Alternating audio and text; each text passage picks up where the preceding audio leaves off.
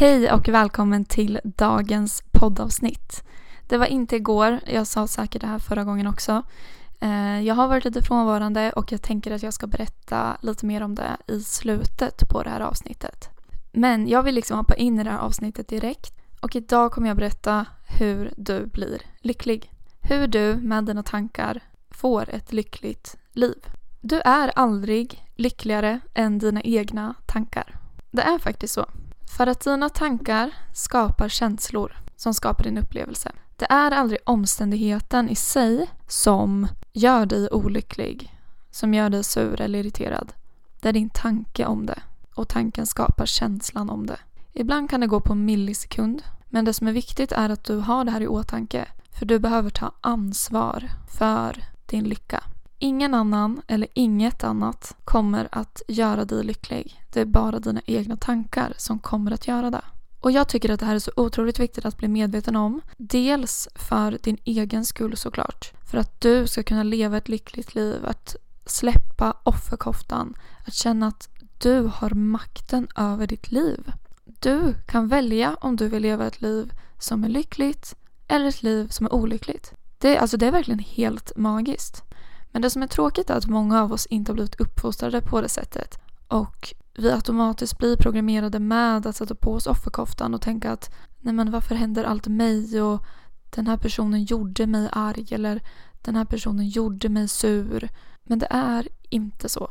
Men det är heller inte konstigt att vi tänker så och har tänkt så eftersom att det är det vi har lärt oss. Men det är också då viktigt för dem i din omgivning. Och jag skulle säga framförallt till dig som har barn.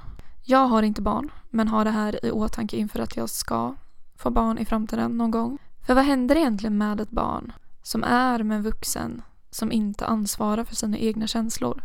Det som händer är att barnet blir osäkert, tar på sig skuld, inte vet var föräldern står, känner att det är dens eget fel. För om en förälder till exempel blir arg och irriterad för att barnet har glömt att ta med något eller har glömt att eh, göra något speciellt. Eller, alltså någon så här liten grej. Och föräldern då blir väldigt, väldigt arg. Det kan man bli. Det är inte det jag säger. Man kan inte sträva efter att vara glad exakt jämt. Eller det är inte rimligt att tänka att man ska vara glad exakt jämt. Men det som blir problemet är när man utsöndrar sin ilska och irritation på det här barnet och sen inte tar ansvaret och säger efteråt att det här handlade inte om dig.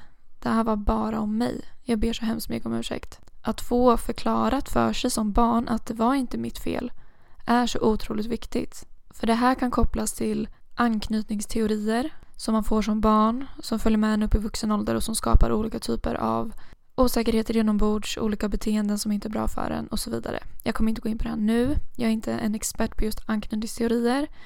Men om man har en förälder runt omkring sig i sin uppväxt som inte ansvarar över sina känslor då blir det automatiskt att barnet börjar bära den vuxnas känslor. Och det är inte bra.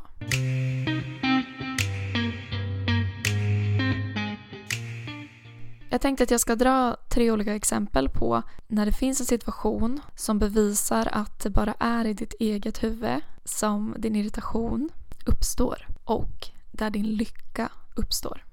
Så det första exemplet är så här. Det bor tre kompisar, Maja, Molly och Moa. De bor tillsammans. Maja har varit på toaletten och hon har tagit sista toapappret. Molly kommer in och ser det och blir direkt jätteirriterad. Hur svårt kan det vara? Vad är det här? Alltså det ligger toapappersrullar precis bredvid här.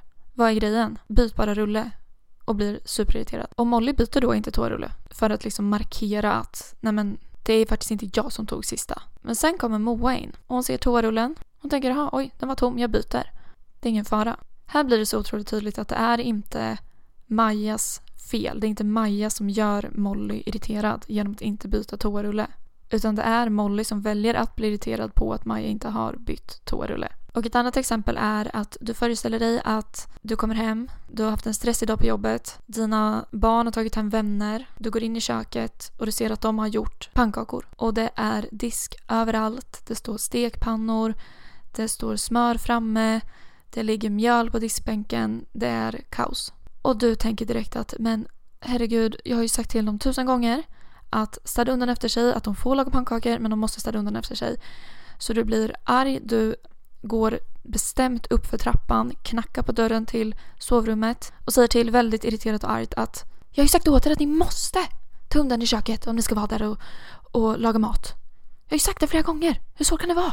Jag är skittrött, jag har ju varit på jobbet hela dagen. Ah! Och går därifrån. Den här situationen i köket hade en annan person kunnat se på ett helt annat sätt. Den personen hade kunnat komma hem från jobbet också irriterad, lite trött efter dagen, gå in i köket, se det här, kanske tänka att mm, okej, okay, det här var inte det jag ville komma hem till. Men ta ett djupt andetag och tänka att tack för att mina barn har vänner. Tack för att de vill vara hos oss. Vad kul att de vill testa att laga mat. De är bara barn. Jag kan be dem snällt senare när barnens vänner har gått hem och säga att jättekul att ni lagade pannkakor men ni får supergärna tänka på att plocka undan efter er. Och sen bara ta undan de här sakerna för den här gången. Och inte göra det till en större grej. Inte för barnen och inte för en själv. Här är det alltså inte heller kaoset i köket som är problemet. Det är tankarna om kaoset i köket. Har man värderat det som något positivt eller har man värderat det som någonting negativt? Och det sista exemplet är att vi säger att du sitter i bilen och du har lite bråttom. Du råkar komma iväg lite för sent. Du hade kunnat åka 5-10 minuter tidigare men du gjorde inte det för det vart massor annat som du kom på i sista sekund. Så du hoppar in i bilen och du är stressad och du måste komma i tid. Och framför dig så ligger en bil som kör så otroligt långsamt. Det är en 80-väg men personen kör inte ens 60. Och du lägger dig så nära som möjligt i den här bilen för att visa att du har bråttom. Du känner att du blir mer och mer irriterad, du börjar svära, tänker vad fan är det för fel, hur svårt kan det vara? Gasar bara på, har du inte sett hastighetsskylten? Fattar du inte att andra människor har en tid att passa? Till slut så kör du om och efter ett tag så kommer en annan bil och lägger sig bakom den här bilen. Den här personen tänker att mm, okej, okay, segt, jag har lite bråttom. Men det var faktiskt jag som vart försenad i morse. Jag hade kunnat åka tio minuter tidigare så hade jag inte behövt sitta här och stressa. Och jag vet inte vem det är som kör den här bilen. Det kanske är en person som är livrädd för att köra bil.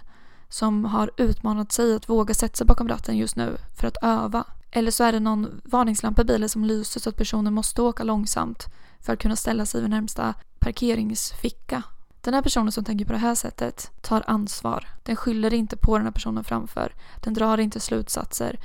Och den drar framförallt inte slutsatser om att jag blir ett offer. Min dag förstörs, det är så synd om mig, varför händer det här mig? Utan tänker istället att det kan finnas andra sätt att se på det här. Så ja, genom de här tre exemplen så har du fått en ganska tydlig bild av att det är aldrig någon annan eller något annat som gör dig olycklig, sur, irriterad, arg. Det är bara dina egna tankar.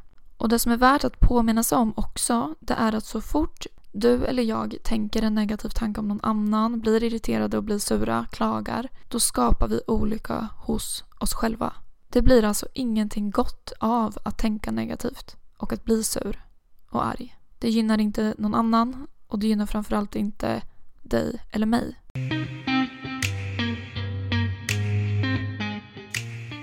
Och när det kommer till sådana här saker också så handlar det mycket om vad har vi för förväntningar innan någonting. Vi säger till exempel att man kommer hem från jobbet och man har en förväntan av hur det kommer se ut, hur det kommer vara eller eh, hur man kommer bli bemött på jobbet eller vad som helst. Och sen blir man inte det.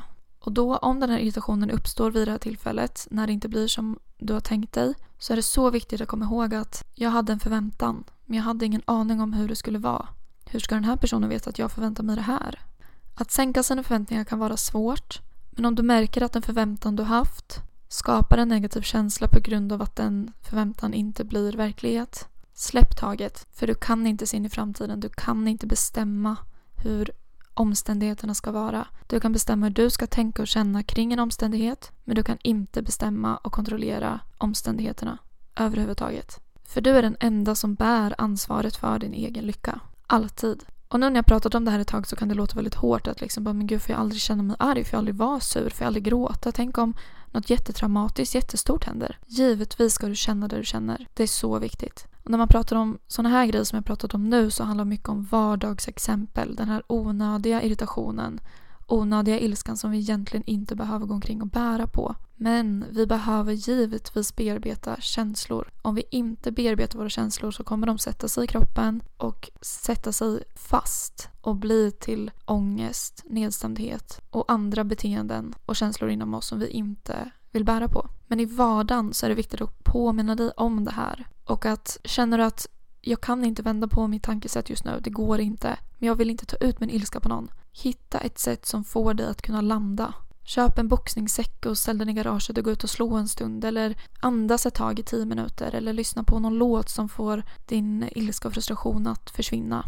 Vad som helst, men ta inte ut det på din omgivning. Lägg inte över dina egna negativa tankar på någon annan människa. För då tar du inte ansvar. Då vägrar du att ta ansvar för det du känner och låter någon annan bära det. Och jag vet att du inte vill göra det mot någon annan och jag vet att du inte vill att någon ska göra det mot dig. Det här är jättesvårt och det här tar tid att öva upp. Men att ha med sig det här i vardagen att det är bara jag som ansvarar över min lycka. Jag kan välja varje stund, bara jag blir medveten. Jag väljer glädje. Om du bara har med det mantrat i vardagen så kommer det bli stor skillnad successivt. Men du måste öva varje dag. Och varje gång du stör dig på något Se det som ett lärotillfälle. Se det som en möjlighet att utvecklas som person. Ett steg närmare ett lyckligt liv. Det kommer fortfarande vara samma omständigheter hela ditt liv. Saker som du stör dig på idag, de kommer inte försvinna. Men du kan ändra ditt sätt att se på det. Och det är magiskt.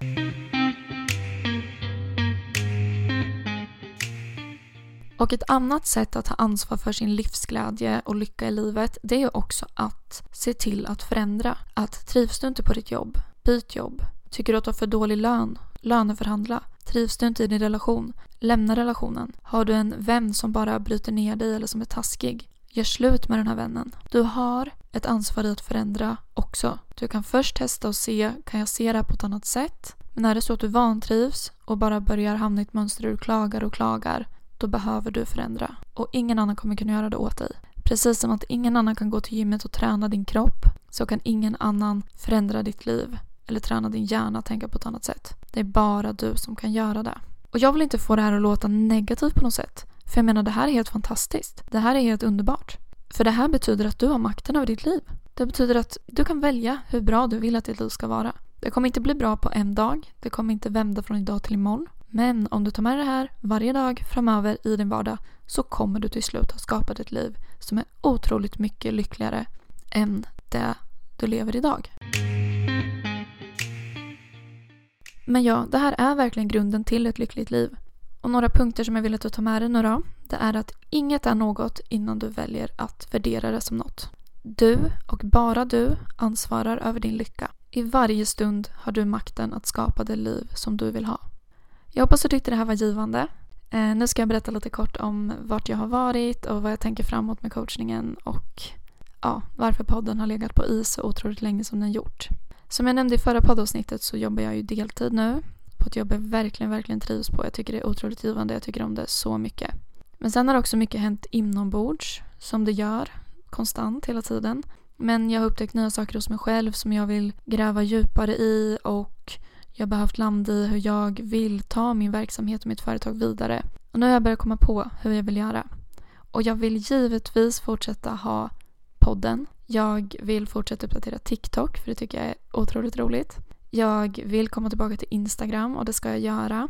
Inte lika mycket som förut då jag uppdaterade extremt mycket. Men jag eh, vill skapa en kontinuitet där. Och sen håller jag även på att göra om min hemsida nu och min plan är att göra fler onlinekurser. Jag kommer fortfarande erbjuda one-on-one coaching såklart. Eh, men jag kommer att eh, skapa fler onlinekurser. Och min tanke är att det kommer finnas kurser som är lite dyrare och längre och djupare men att det också ska finnas kurser som är lite lägre i pris, lite lättare men också otroligt givande för dig som vill komma igång med personlig utveckling eller vill börja utforska den här delen i livet. Jag är inte inte börjat skapa någon kurs än, jag håller fortfarande på med hemsidan men det är på gång och under våren så kommer det hända saker här på Sara Life Coach. Men ja, alltså vi alla behöver tid att landa ibland och eh, jag har väldigt mycket tankar i mitt huvud. Jag har väldigt svårt att hålla koll på för många saker samtidigt och behöver ibland bara gå tillbaks in i mig själv, fundera för att sen komma tillbaks med ny energi. Och nu känner jag ändå att jag har gjort det.